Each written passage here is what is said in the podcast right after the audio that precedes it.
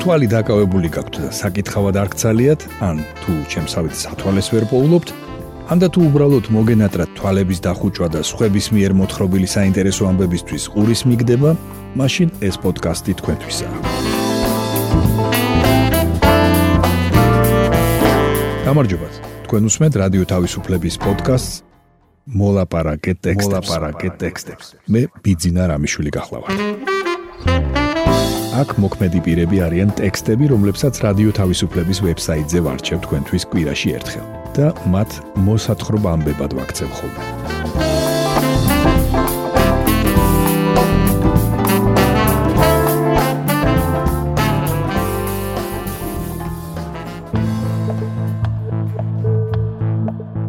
მოგითხრობთ რას ცulis საქართველოსი რუსეთიდან ჩასული მიგრანტების ნაკადი. შემოგთავაზებთ სტატიას ერთ რუსულ კინოში კავკასიის შესახებ ტიპურ კლიშეებზე და იმაზე თუ რის და ვის სანახავად ჩადის საქართველოსში ხალხი რუსეთიდან. მოისმინეთ თორნიკე მანდარიას სტატია გენტრიფიკაცია რას ცვლის მიგრანტების ნაკადი რუსეთიდან. გამარჯობა რეკლამები სოციალურ ქსელებში ხან ტატუს გასაკეთებლად მიწვევენ თბილისში ახლახან გადმოსულ სანქტ-პეტერბურგელ არტისტთან, ხან ტურებზე ვგარახ გრუზიი და ხანაც მაშინა ვრემენის კონცერტზე სპორტის სასახლეში. Не выбирают страну, и нам вовек не оборвать эту нить. Моя страна ушла на войну, и я не смог ее უკრაინაში რუსეთის შეჭრის შემდეგ საქართველოში 10000ობით მიგრანტი შემოვიდა რუსეთიდან და ამ დრომდე რჩება. მიუხედავად იმისა, რომ მიგრაცია ზოგადად არაერთი დადებითი ეფექტი ახლავს, რუსეთის მოქალაქეების ნაკადი ქართული საზოგადოების დიდ ნაწილში საფრთხეს, მათ შორის დედაქალაქის უბნების გენტრიფიკაციის შეგრძნებას იწვევს. გენტრიფიკაცია урბანული ტერმინია და ხშირად ქალაქის გარკვეული უბნის, სამეზობლოს ან არეალის განახლებასთან ასოცირდება. მაგრამ ეს ცნება სინამდვილეში გაცილებით კომპლექსურია. ესაა პროცესი, როცა ადამიანები მაღალი შემოსავლებით სახლდებიან ან ბიზნესები ინვესტიციებს დებენ შედარებით ღარიბ ადგილებში. ამით ისინი ხეირობენ მათთვის დაბალი ფასებით, განდევნიან დაბალ შემოსავლიან ადგილობრივებს და ცვლიან ტერიტორიის ხასიათსა და იდენტობას. ჩანაცვლების პროცესი უკვე ინტენსიურია, ეუბნება რადიო თავისუფლებას ანა ბიბილაშვილი, урბანისტი და თბილისის მერობის ყოფილი კანდიდატი. უფრო ცხადად უნდა ავუხსნათ ადამიანებს, რომ გაცილებით ძლიერი ეკონომიკური შესაძლებლობების დიდი ქვეყნიდან შეიძლება გადმოვიდეს იმ რაოდენობის ადამიანი და აითვისოს იმდენი საცხოვრებელი თუ სამუშაო ადგილი, რომ შეიძლება ხვალ უბრალოდ კონკურენცია ვერ გაუწიონ ჩვენმა მოქალაქეებმა. ამბობს ის. არაქართული შემოსავალი და ქართული ფასები რუსებს მაღალ ხარჯვის უნარიანებს ხდის.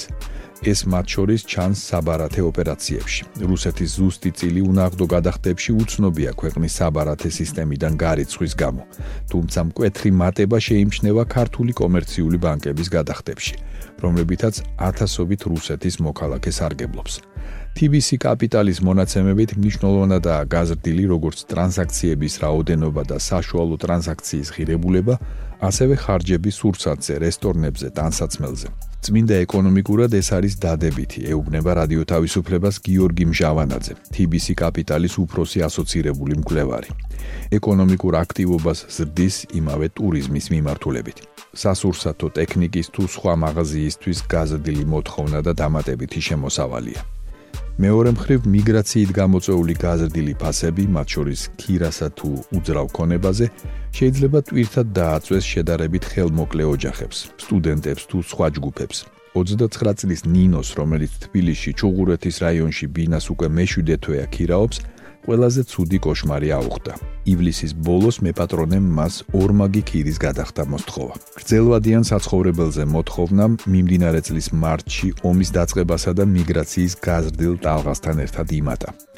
ქირის ფასები 2021 წელთან შედარებით 80%-ით გაიზარდა. 2019 წელთან შედარებით თითქმის 50%-ით. საქართველოში საბინაო სექტორი უმეტესწილად საკუთრებაზეა დაფუძნებული, რაც მეტად იცავს ადგილობრივებს გენტრიფიკაციისგან. ამბობს არქიტექტორი ნანო ზაზანაშვილი. თუმცა მისივე თქმით, თუ მიგრანტების ნაკადი გამოიწვევს სურსათსა თუ სერვისებზე ფასების ზრდას, ამანაც შეიძლება გარიყოს ადგილობრივი მცხოვრები. ჯერჯერობით არავინ იცის მიგრანტების ნაკადი დარჩება თუ ზაფხულის დასრულებასთან ერთად საქართველოსდან გასვლას გადაწყვეტს. თუ დარჩებიან გიორგი მჟავანაძის განმარტებით ქირიდან ყიდვაზე გადავლენ, რამაც შესაძლოა დაწიოს ქირის ფასი, მაგრამ გაზარდოს ყიდვის. პარალელურად კერძო სექტორი მეტი მოგების მისაღებად შეეცდება ფეხი აუწყოს მაღალშემოსავლიან რუს მიგრანტებს, რაც ფასების გარდა ადგილობრივ კულტურასაც შეცვლის.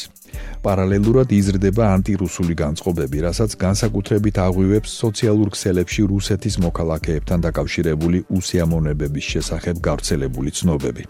ზოგს შუახნის რუსები აღიზიანებს, რომლებიც საკუთარ ენაზე ითხოვენ მომსახურებას. ზოგს ახალგაზრდა ჰიპსტერები, რომლებიც წუწუნებენ, რომ თბილისში კარგი ყავა ვერ უპოვიათ. ზოგსაც ყველა, ვინც რუსულად საუბრობს. ჩვენ გვახსოვს 2008 წლის ომი. გვახსოვს რუსეთის ფედერაციის დამოკიდებულება ჩვენი მოქალაქეების მიმართ. როგორ და რა პირობებში გაუკეთეს დეპორტაცია. ამბობს ნანო ზაზანაშვილი და ამატებს: დიდი უსამართლობის განცდა ჩნდება, როცა ჩვენ ყველანაირ პირობას ვუქმნით კომფორტული ცხოვრებისთვის. ცალმხრივია ეს ყველაფერი. ციტატის დასასრული. ანა ბიბილაშვილი მათ შორისაა, ვინც ფიქრობს, რომ აუცილებელია სავიზო რეჟიმის დაწესება რუსეთის ფედერაციასთან, რათა სახელმწიფომ ზუსტად იცოდეს, რა მიზნით და რამდენი ხნით შემოდიან რუსები საქართველოში. 11000-ზე მეტმა ადამიანმა მოაწერა ხელი ონლაინ პეტიციას, რომლის მოთხოვნაა რუსეთის და ასევე ბელარუსის მოქალაქეებს ერთი წლის ნაცვლად მხოლოდ სამ თვემდე შეეძლოთ საქართველოს ტერიტორიაზე დარჩენა. რუსეთის გარდა საქართველოს კიდევ ათობით ქვეყნის მოქალაქეებს თავაზობს უვიზოთ და ხანგრძლივი დროით ქვეყანაში შემოსვლის შესაძლებლობას. თუმცა როგორც ანა ბიბილაშვილი ამბობს, კონტექსტი არის სრულიად სხვა. რუსეთია ის, რომელსაც ჩვენი ტერიტორიები აქვს ოკუპირებული. ციტატის დასასრული. ეს გახლავთ თორნიკე მანდარია სტატია გენტრიფიკაცია რას ცვლის მიგრანტების ნაკადი რუსეთიდან.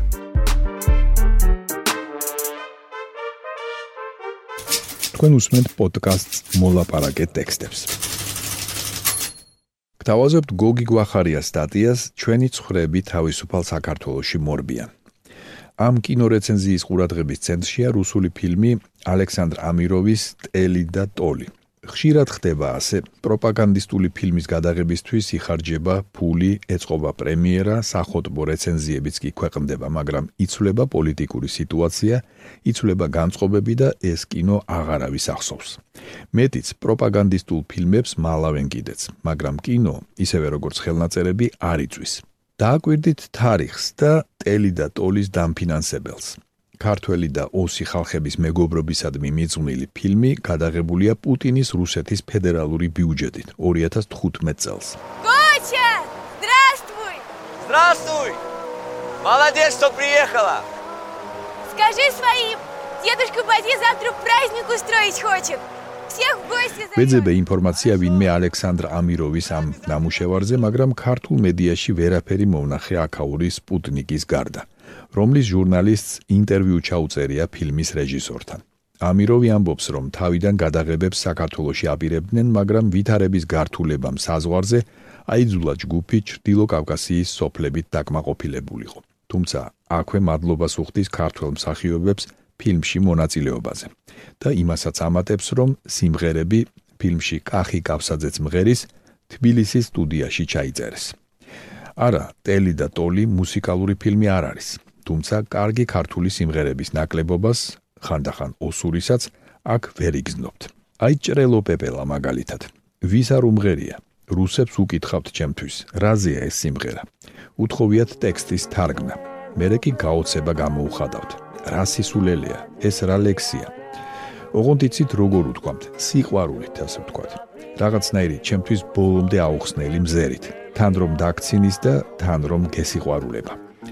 ჩემს თაობას ალბათ ახსოვს თემურ ჩხეიძის ჯაყოს ხიზნების ისტორიული განხილვა საბჭოთა საქართველოს სახელმწიფო ტელევიზიით 80-იანი წლების დასაწყისში. დისკუსიის მონაწილეებს შორის დამამახსოვრდა მწერალი გურამ პეტრიაშვილი, რომელმაც სპექტაკლის გასაპროტესტებლად მოსულ მაყურებელს ერთსა და იმავეს რომ იმეორებდნენ ეს წარმოდგენა ქართულ ხალხს დასცინისო, დაახლოებით ასე უპასუხა. ქართულ ხალხს უფრო იმ ფილმის ავტორი დასცინის, რომლის გმირები ხან ლატარიის ბილეთების დასაჭერად დარბიან და ხანაც პეპლებს დაძდევენ.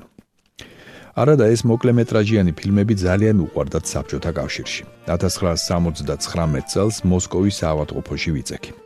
დერეფანში ტელევიზორი იდგა და საღამოობით ავადმყოფები მორიგე ექიმებსა და ექთნებთან ერთად ფილმებს უყურებდით. ამ სეანსებზე ყველაზე რეიტინგული ეგრეთ წოდებული ცენტრალური ტელევიზიის მიერ დაკვეთილი ქართული ფილმები იყო. შერეკილების და მიმინოს ეპიგონობა გულუბრყვილო ქართველი კაცებით. უпростоრად ინფანტილური, ზრდა შეჩერებული ქართველებით, რომლებიც გულიანად აცინებდნენ რუს მაყურებელს, აბედნიერებდნენ, რადგანაც ასეთი მიმინოების მოთვინიერება ბევრად უფრო ადვილი იყო. მაგრამ ტელი და ტოლი ეპიგონობა არაა, ეს უკვე ეპიგონობის ეპიგონობაა. ფილმის ავტორი ცდილობს გაიმეოროს გასული საუკუნის 70-იანი წლების ქართული კომედიები ერთი მთავარი გზავნილით. რა კარგები არიან ასეთი ქართველები, ასეთი კავკასიელები. გაუმარჯოს ხალხთა მეგობრობას და სიმღერებს სულელური ტექსტებით. გავაუქმოთ საზღვრები, რომლებიც საბჭოთა კავშირის შემდეგ დაუწესეთ ერთმანეთს. დიახ, ფილმის მთავარი სახე საზღვარია. ტელი და ტოლი ორი სოფლის სახელია. ქართულის და ოსურის. საზღვარი მდინარეზე გადის. საზღვრის იქით ოსებს რუსი მესაზღვრე იცავს. საზღვრის აქეთ ქართველები არიან. ორივე მხარე ამტკიცებს, რომ მათ არაფერი აქვთ გასაყოფი. მეგობრობენ, кейფობენ, მღერიან. სიტუაცია ოდნავ იძაბება, როცა ამ მხარეში კანადელი ტურისტი ჩამოდის. რატომღაც ბერძენი კანადელი, რომელიც ბებიამისის საფლავს ეძებს. დანარჩენს თავად ნახავთ. თუ კი გეყოფათ ნებისყოფა, რა თქმა უნდა. მე პირადად პროლოგშივე გაგონილმა ფრაზამ, ვინც ეს საზღვარი მოიგონა იმის გვარში მხოლოდ გოგოები იბადებოდნენო, მაშინვე მომანდომა გამომერთო ფილმი. მერე გამახსენდა, რომ კინო ისტორიული დოკუმენტია და მაინც გავედი ბოლომდე. გაფრთხილებთ, რუსების მიერ კავკასიელებზე შექმნილი ყველა стереოტიპის ერთდროული ხილვა ადვილი არ არის. მით უმეტეს დღევანდელ სიტუაციაში. მაგრამ ისიც ხომ საინტერესოა ვიცოდეთ ქართველის როგორი სახე იზიდავს დღეს რუს მაყურებელს. არსებითად რის და ვის სანახავად ჩამოდის საქართველოში. და რაც მთავარია, როგორ კინოს აფინანსებს რუსეთის კულტურის სამინისტროსთან შექმნილი კინოს განვითარების ფონდი, ასე რომ შენატრის საბჭოთა კავშირის აღდგენას. იმ საბჭოთა კავშირისა, სადაც როგორც ტელი და ტოლის ავტორები ამტკიცებენ, ხალხი მეგობრულად ცხოვრობდა.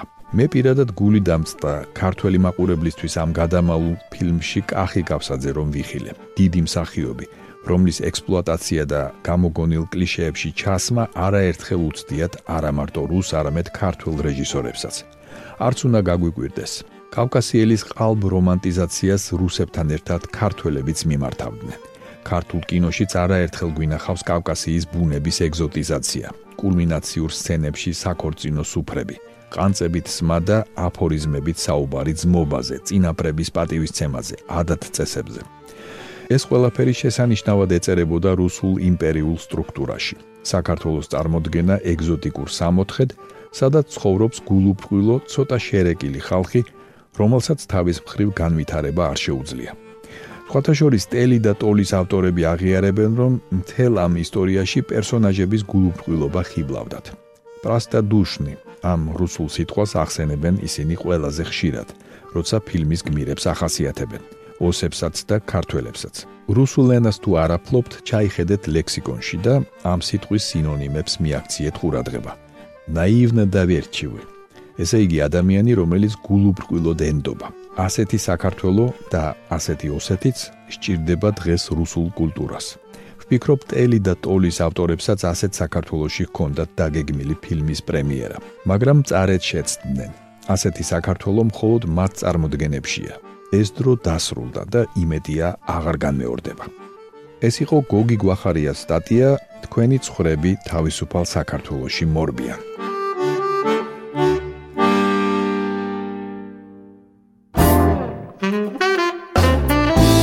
თქვენ მოისმინეთ რადიო თავისუფლების პოდკასტი მოლაპარაკეთ ტექსტები. მე კვირაში ერთხელ ვარჩევ რადიო თავისუფლების ვებსაიტზე გამოქვეყნებულ ტექსტებს და მათ მოსათხრობამდე ვაქცევ ხოლმე. ჩვენი პოდკასტი შეგიძლიათ გამოიწეროთ, ჩამოტვირთოთ ან მოისმინოთ პირდაპირ რადიო თავისუფლების ვებსაიტზე.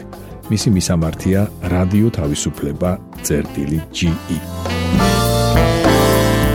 თუ ჩემი ერთ მოთხრობილი ტექსტები სრული სახით დაგაინტერესებთ, მათი მოძებნა იულია. ვებსაიტზე, პოდკასტის გვერდზე იპოვით ყოველ ცალკეულ პროგრამაში მოთხრობილი ტექსტების ბმულებს. მე ბიძინა რამიშვილი ვარ. მომავალ შეხვედრამდე.